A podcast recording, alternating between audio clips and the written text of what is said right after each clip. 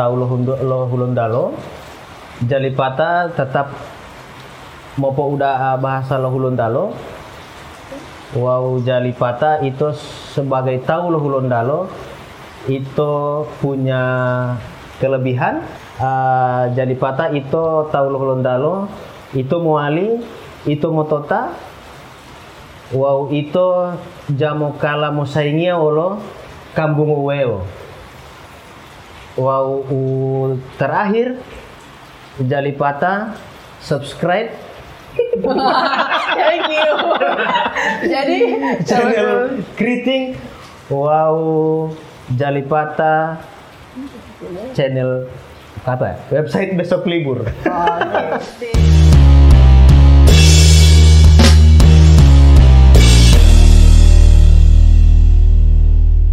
Assalamualaikum warahmatullahi wabarakatuh. Apa kabar sahabat Kriting? Semoga kalian semua sehat walafiat ya. Amin ya robbal alamin.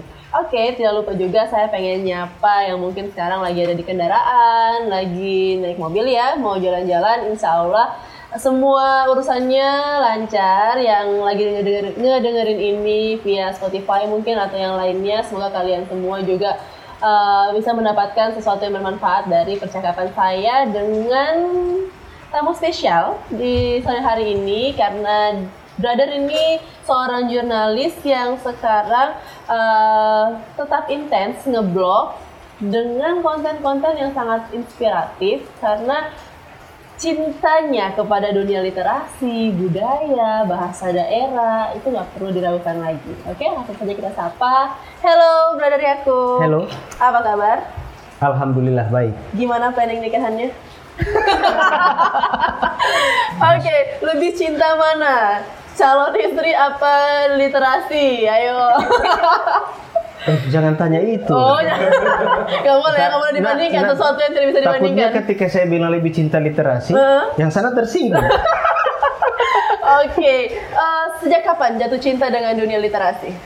sebenarnya kalau Hmm. sejak kapan itu saya tidak bisa menentukan sejak kapan Hmm. tapi memang hobi saya itu sejak SMP Hmm.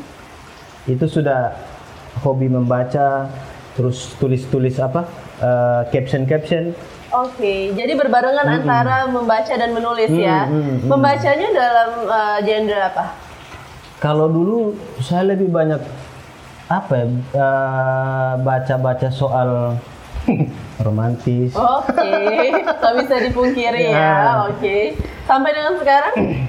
Kalau berpindah. sampai sekarang sudah pindah Oke, karena sudah menemukan tambatan toh oke. Oke. Nah, eh, apa kalau yang saya tahu ya di depan rumah ini kan tertulis itu ada Taman Bacaan Hmm, Muhammad hmm, Hatta. hmm, hmm. Itu sudah sejak kapan? kalau perpustakaan itu ya ke- perpustakaan Muhammad Iya. Hatta itu dari 2017 Oke. Itu kita Awal, kasih- tengah, akhir? Ah, pertengahan itu kebetulan saya rilis tanggal 6 Juni tahun 2017 17. kita ambil nama Muhammad Hatta kemudian kita rilis di tanggal lahirnya Muhammad Hatta. Nah Oh, Soekarno Oh, apa alasannya? apa ya secara kebetulan saya cuman setelah kita lihat lagi kita baca sejarah lagi ternyata 6 Juni itu kan tanggal lahirnya Soekarno ya sudah kita simpulkan bahwa perpustakaan Muhammad Hatta itu eh, nama perpustakaannya Muhammad Hatta spiritnya Spiritnya. Muhammad Hatta dan Soekarno sebagai Dwi Tunggal Indonesia dulu begitu Sebegitu jatuh cintakah dengan sosok kedua pejuang itu? Ya kalau kita bicara soal Indonesia kan ya tidak terlepas dari kedua Mereka tokoh berdua itu ya, betul. Se- sebagai Dwi Tunggal. Iya, iya. Nah, Itu pernah dulu kita ada ada satu pengalaman. Mhm. Kita ikuti satu kegiatan, Yes. kemudian kita diminta perkenalan, perkenalkan nama-nama komunitas kita, Iya. ya kan? Kita bawa komunitas kita perpustakaan Muhammad Hatta. Mhm. Kebetulan yang satunya ini teman-teman saya yang satu ini dia pecinta Soekarno juga. Oke. Pecinta Soekarno. Nah, sampai di kegiatan itu kita pas diminta perkenalan itu komunitas lain paparkan bagaimana prestasinya, Aha. bagaimana kegiatannya sudah sampai di. Mana? Nah, kita cukup bilang perpustakaan Muhammad Hatta atau komunitas sahabat buku Muhammad Hatta itu spiritnya cuma apa? Ah, bagaimana Muhammad Hatta cinta dengan buku. Begitu Selanjutnya Soekarno ya memang suka menulis, suka membaca Iya, juga. betul. Dan itu kita ramu dengan eh, dan itu kita tutup dengan spirit Pancasila. Nah, kita yang awalnya minder, Hmm. mungkin tidak ada teman-teman yang akan datang ke kita. Itu setelah kegiatan itu semuanya kumpul. Terus dibilang, "Bang, itu keren, Bang. Bawa Pancasila di ruangan ini. Kita Iya. tidak ada egois sama sekali masing-masing komunitas. Jadi kita jadi satu kebanggaan buat kita itu." Betul, jadi justru jadi pemersatu Jadi begitu ya. pemersatu, ah, mm. antar- Emangnya di Gorontalo banyak nggak sih komunitas-komunitas literasi? Setahu saya, Iya. komunitas literasi di Gorontalo itu ya banyak.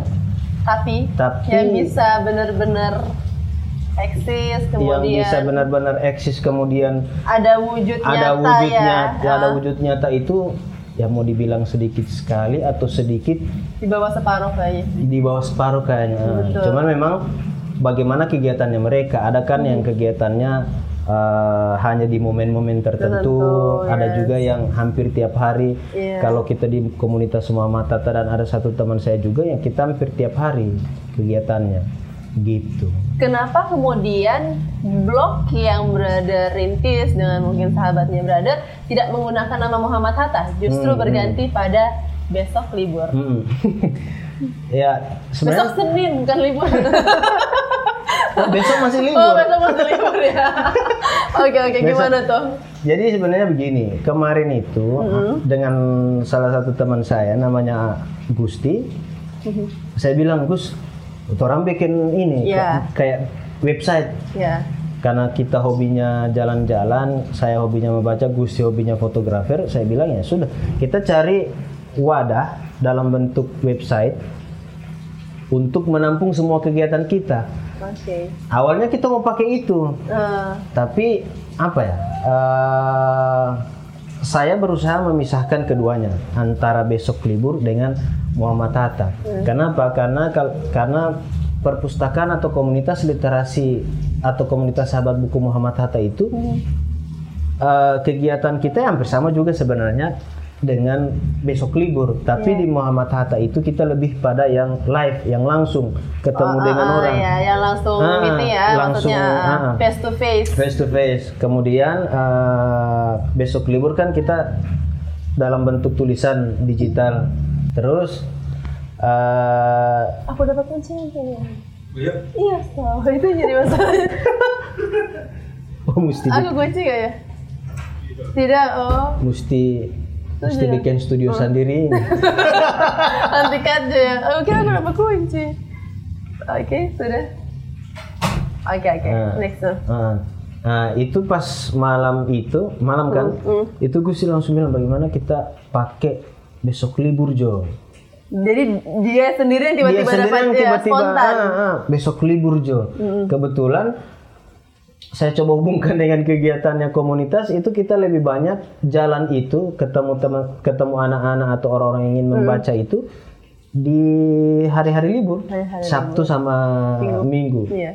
Selepas eh, selain itu Senin Selasa Rabu kita stay di iya. rumah. Oke. Kita tunggu pembaca itu di rumah, anak-anak juga biasanya datang ke rumah main di pondok baca. Oke. Gitu. Nah tadi kan sudah sempat cerita sebelum Hmm. tag ini kan bahwa sebenarnya fokusnya itu di kata besok begitu ya, bukan di Hmm, liburnya hmm, sebenarnya. bukan. Tapi orang kan Ah, ketika uh, masuk baca ke besok libur, Hmm, orang-orang pada taunya ini perjalanan apa ya, bacaan-bacaan Ah, tentang jalan-jalan. uh, jalan-jalan, wisata seperti itu. Nah Hmm. sebenarnya apa yang spesial dari kata besok? Iya. Eh, orang per- pertama kali mendengar kata besok libur itu kan pasti oh ini soal liburan, Ya soal ini. senang, bahagia, Ah, kayak gitu ah, ya. mm, mm. Tapi sebenarnya kita kita promosikan atau kita jual di situ ya kata Hmm. besoknya itu. Apa yang spesial dari kata besok itu? Besok itu kita mencoba mengajak pembaca atau teman-teman komunitas bahwa sebenarnya kita bis, besok masih bisa hidup. Iya. Ada Besok- ada keoptimisan Ah, gitu ya. ada keoptimisan. Ah, optimis itu kita kemas dalam bentuk-bentuk tulisan yang Hmm. berkaitan dengan ah, soal budaya, soal jalan-jalan. Simpelnya besok itu orang masih bisa jalan-jalan. Besok itu orang bisa Happy happy. happy-happy. Iya. Besok itu orang pasti harus belajar dan besok kita pasti bisa harus bisa ber Lebih baik. Hmm, harus lebih baik. Besok keriting. Creative thinking. Oke, good. Kalau besok mati. Ya itu kan yang wajib juga. Oke ya, ya, ya, ya. Oke, jadi eh, buat sahabat kritik yang belum pernah mungkin ya, atau mungkin baru tahu dari eh, video ini tentang besok libur, bisa langsung nanti jangan langsung sekarang ya, karena harus nonton sampai habis dulu. Kemudian nanti setelah selesai nontonnya, udah klik subscribe sama lonceng, nanti bisa ke deskripsi. Di situ nanti ada link dari ah, blog eh, websitenya si besok libur. Oke. Libur, hmm. Yang pasti eh, di situ tadi saya juga udah baca-baca kan ya jelas ada diksi-diksi yang membuat saya sangat no reason untuk untuk tidak klik itu begitu. Hmm, Eh, semoga itu bukan strategi untuk clickbait kan atau gimana? Gimana asli eh, kata-katanya sangat sangat sangat apa ya sangat membuat orang mau pengen baca hmm, hmm. 19 hari untuk 19 Juni. Terus kemudian apa tadi yang keringetan tapi Ah, bikin air keingetan. terjun ke iya bikin yang kayak gitu. itu dapat dapat diksinya dari mana sih Dapat diksinya itu ya dari itu tadi, literasi. Jadi memang benar-benar connect ya. Orang Hmm, yang hmm. setuju nggak sih sama sama eh, yang ada yang bilang kan bahwa kalau kamu pengen jago nulis itu harus Hmm. banyak baca. Itu benar nggak? Iya. Setuju dengan itu? Setuju dengan itu. Jadi benar-benar jadi diksi-diksi yang ada di di besok libur itu sebenarnya karena memang orang-orangnya Ah, ah, adalah hmm, juga hmm. pegiat literasi Hmm, ya. Oke, di situ kan di besok libur juga ada space untuk puisi nih. Mm. Itu dibuka untuk umum atau gimana? Semua dibuka untuk umum. Di situ Oke, ada ada Jadi ada- sebenarnya bebas ya, orang-orang bisa Iya. ngirim Hmm, tulisannya. hmm. Jadi kan besok libur itu sebenarnya jadi istilahnya jadi satu ruang untuk semua orang, Mhm. untuk kita semua. Di situ teman-teman yang ingin yang tulisannya atau Iya. karya-karyanya Masuk di situ. uh, belum bisa dapat tempat di misalnya di media-media yang sudah ada, Iya. ya silakan di ditaruh di besok libur aja. Caranya Gampang. Hubungi Tinggal- nomor di bawah ini. Iya. Dong? hubungi nomor WhatsApp besok libur Oh, ada di ada di situ ya. Ah, ah, ah. Oke. jadi Wow, tidak ada tidak ada syarat harus berapa ratus Oh, kata harus ada. tidak ada pokoknya satu selagi bait. itu mengedukasi Hmm, baik, hmm. oke. Karena kita sebenarnya di besok libur itu semangat yang kita ingin bawa adalah bagaimana orang itu tidak melihat satu karyanya itu dengan indikator-indikator tertentu. Sekalipun dia hanya menulis satu dua kata yang dirangkai jadi satu kalimat, itu sudah kita hargai sebagai satu karya atau satu tulisan dari yang bersangkutan. Kadang kan orang tidak percaya diri. Iya. Nah, iya tak? Heeh. Dia ini layak nggak ya Hmm. naik? Ini nanti nggak diterima sama kalimat, editornya. ah, Iya. Jadi berapa bait pun atau cuma satu kalimat Iya. saja. Ya kalau memang teman-teman mau kirim di besok libur ya silakan. Itu karya ya. Itu karya dan kita berusaha menghargai itu karena dengan begitu orang itu bisa lahir satu percaya diri Iya. bahwa dia punya satu kemampuan, dia punya satu apa ya, satu keahlian yang harusnya kita apa? Kita godok itu lewat bagaimana cara menghargai dia. Seperti itu sebenarnya sih. Saya senang banget. Jadi eh, apa namanya sangat gampang ya nggak Hmm. ada nggak ada hambatan atau syarat-syarat yang sangat menyulitkan gitu untuk Tidak me- Hmm. untuk apa bisa mengembangkan karya-karya. Hmm, Jadi hmm. namanya itu karya-karya tulisan silahkan langsung dikirim ke besok libur Hmm, gitu ya. hmm. Bisa langsung ke Instagramnya juga. Oh bisa? Oke, di Instagramnya itu ada yang menarik nih. Akhir-akhir ini ada segmen Jum Jumati. Mulodalo. Hmm. Oke, apa sih itu bisa nggak dijelaskan sama sahabat kritik? Jadi Jumaati Mohulondalo itu sebenarnya apa ya? Itu Program. segmen, itu segmen atau program yang kalau bahasa umumnya itu kita memelihara bahasa daerahnya kita. Oke. Kenapa kita ambil segmen itu? Sebenarnya di luar sana kan sudah banyak, Sudah tapi mm. kenapa kita ambil segmen itu? Cerita singkatnya itu begini. Saat itu sore, kebetulan saya mau bikin sesuatu yang itu menggunakan bahannya itu menggunakan kelapa. Oke. Iya kan ya. menggunakan bahan kelapa. Terus saya kupas. Pakai parang itu saya kupas. Tapi saya videoin. Oke. Saya videoin. Setelah itu saya lihat.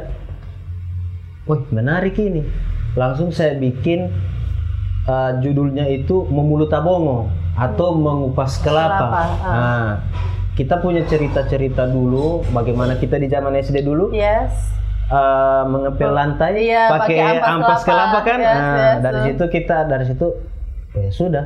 Ini kita bikin konten eh, yang berkaitan dengan bahasa Gorontalo.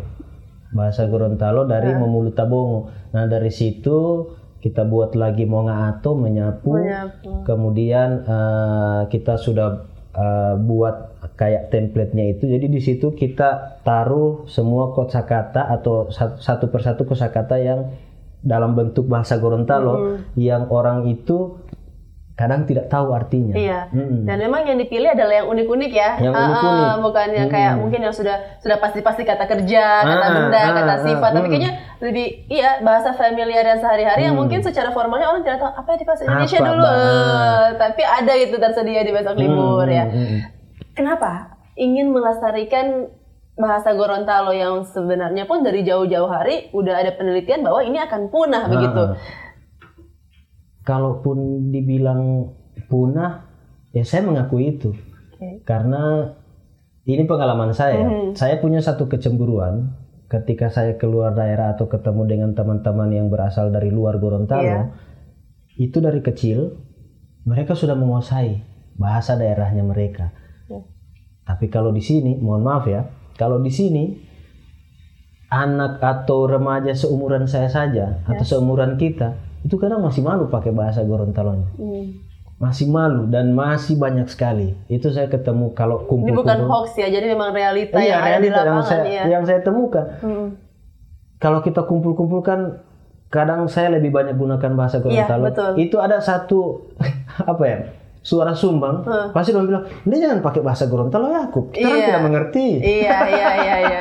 itu kan realita yang saya temukan. Iya, padahal ini teman bicaranya adalah orang Gorontalo Orang ya. Gorontalo juga. Bahkan yang ngomong tadi untuk melarang adalah orang Gorontalo. Orang Gorontalo. Wow. Nah, kayak satu kalimat atau satu kosakata yang kemarin saya taruh itu di di besok libur Hmm. itu nanawau. Ya, benar. Nanawau itu kan sebenarnya artinya itu aduh. Nah, orang orang kan tidak tahu itu. Iya. Orang cuma sering pakai Selalu dipakai sama orang-orang ih nanawau. Nanawau. Iya, ya. Sok kenapa ngana ini? Betul, betul. Tapi orang tidak tahu itu. Uh-uh. Jadi eh, kenapa kita fokus di situ? Ya karena itu karena memang kita menyadari bahasa Gorontalo kita sudah hampir punah. Dulu sempat ada program itu setiap hari Jumat itu kita berbahasa Gorontalo di sekolah, di masjid, khotbah itu dipakai Hmm. Iya, dengan bahasa dibawa dengan bahasa Gorontalo. Tapi kan itu tidak ada sekarang Iya. tidak ada sekarang. Kemudian lingkungan kita juga apa ya? Lebih banyak kita pakai bahasa atau logatnya daerah tetangga kita. Kita tidak pakai bahasa-bahasa uh, Gorontalo Gorontalo kita. iya. Mm. Dan itu saya, saya saya temukan sampai dengan sekarang. Kita sudah tidak pakai lagi bahasa Gorontalonya kita. Makanya di mana-mana saya kalau jalan atau ketemu sesama orang Gorontalo pasti saya pakai bahasa Gorontalo. Pasti ya. Ah, ah, sekalipun itu hanya satu kata, dua Iya. kata atau satu kalimat atau ketemu, eh, ulola habari uti. Ah, Hmm, iya. ya minimal dengan cara-cara kecil seperti ini kita masih bisa menjaga eh, bahasanya kita itu bahasa ibu kita, jangan sampai punah. Dan itu pertanyaan sampai sekarang melekat dalam hati saya, bagaimana keadaan bahasa Gorontalo 20 tahun ke depan, 30 tahun ke depan? Apakah anak-anak itu masih bisa berbahasa Gorontalo? Dan yang paling kasar ya, atau yang paling ini itu yang paling liar itu saya sudah merasa bersyukur anak-anak Gorontalo itu sudah bisa memaki dengan bahasa Gorontalo. iya? Iya, iya. iya. Tapi Nah, itu itu kan iya, iya, ah, iya, iya, iya. Kenapa? Saya kalau lihat anak-anak main game misalnya, Iya. itu makian saja kita import dari, daerah lain. Iya. Tapi syukur sekarang udah oke oke iya sih ya tanpa kita ya banyak yang tidak menyadari itu mungkin ya Banyak yang tidak menyadari itu. Oke, tapi sebenarnya brother yang dari apa dari semua ketulusan yang udah berada cerita, Hmm. yang bikin aku penasaran tuh apa target sehingga menurut brother literasi, bahasa, budaya Hmm. ini merupakan sesuatu yang kemudian menurut brother saya sudah berhasil kayak gitu. Mm-mm. Dari mana brother mengukur letak keberhasilan dari semua yang sudah brother lakukan itu? Hmm, jadi Dengan ada mungkin anak-anak tadi yang memaki dengan bahasa Gorontalo itu Hmm, sudah berhasil berarti atau seperti apa? kalau saya sih mengukur keberhasilan atau kesuksesan itu saya tidak punya indikator yang tetap Harus dia begini, harus, harus begini. begini, dia Iya. harus begini, dia harus begini. Ya sukses atau keberhasilan bagi saya itu simple saja. Ketika saya sudah bisa bikin kopi sendiri atau beli beli mohon maaf ya beli rokok dengan hasil keringat sendiri ya itu sudah sukses. Oke, jadi, yang penting ini ini yang penting mencontohkan Iya, saja ya. ah. Yang penting brother sudah berbicara dengan bahasa Gorontalo, sudah mengajak, sudah ada program dengan komunitas, sudah ada website juga, sudah menggunakan itu di Instagram. Maksudnya kurang apa lagi gitu kan Iya. ya? Eh, saya rasa juga udah udah sangat jadi inspirator lah ya untuk Gorontalo jadi sendiri. kayak kayak postingan satu postingan itu itu mau di like berapa orang pun Nggak ngaruh. tidak ngaruh bagi saya ataupun hanya satu orang tapi Ah. itu di di like misalnya dia nge-like dengan simbol tertawa Iya. saya sudah merasa oh, alhamdulillah berarti dia membaca itu dia sudah senang Minimal tercerna di dia karena dia Minimal memberikan tercerna. iya, Ah, yes, bisa jadi saat itu dia sedang mencari apa arti kata nanawau itu Iya, iya, iya, iya. Jadi eh semoga kalau aku sendiri secara pribadi mendoakan semoga ini sekalipun belum sekarang mungkin Hmm, efeknya, tapi ke depan insya Allah mungkin ada juga terutama yang pegiat-pegiat pendidikan sebenarnya ya. Hmm, hmm. Ketika eh, guru-guru di sekolah sadar betapa pentingnya, mungkin guru-guru bahasa Indonesia, guru bahasa lah Iya. ya, bisa mengaitkan itu dengan bahasa daerah. Hmm. Jadi mungkin bisa langsung rekomen mere- merekomendasikan ke Instagramnya Iya. brother, bisa Hmm, lihat apa hmm. coba saya kan kalau dulu tuh kalau nggak salah ingat ya zaman kita sekolah SMP itu masih ada cari 10 ka- kosakata bahasa Kosakata Gorontalo kayak gitu kan mm. sekarang kan udah nggak ada sama sekali jadi benar-benar tenggelam Hmm, gitu benar-benar nah tenggelam. brother eh, apa yang yang menurut brother sejauh ini kan udah udah sekitar tiga tahun nih Hmm, hmm. kalau bisa dipresentasikan keberhasilannya itu gimana sih Kalau mau dipresentasikan ya saya tidak bisa mempresentasikan karena ki- gerakan kita ya gerakan masih-masih mengalir masih- saja. oh ya ya Mengalir saja kita tidak punya data uh, tempat yang sudah kita kunjungi berapa, Hmm. Iya. jumlah pembacanya kita sudah berapa, berapa banyak buku Iya, yang iya, iya. sudah kita koleksi itu kita tidak punya itu. Cuman uh, salah satu uh, apa ya bisa kita bilang bahwa itu sudah menjadi satu keberhasilan juga tidak. belum Hmm.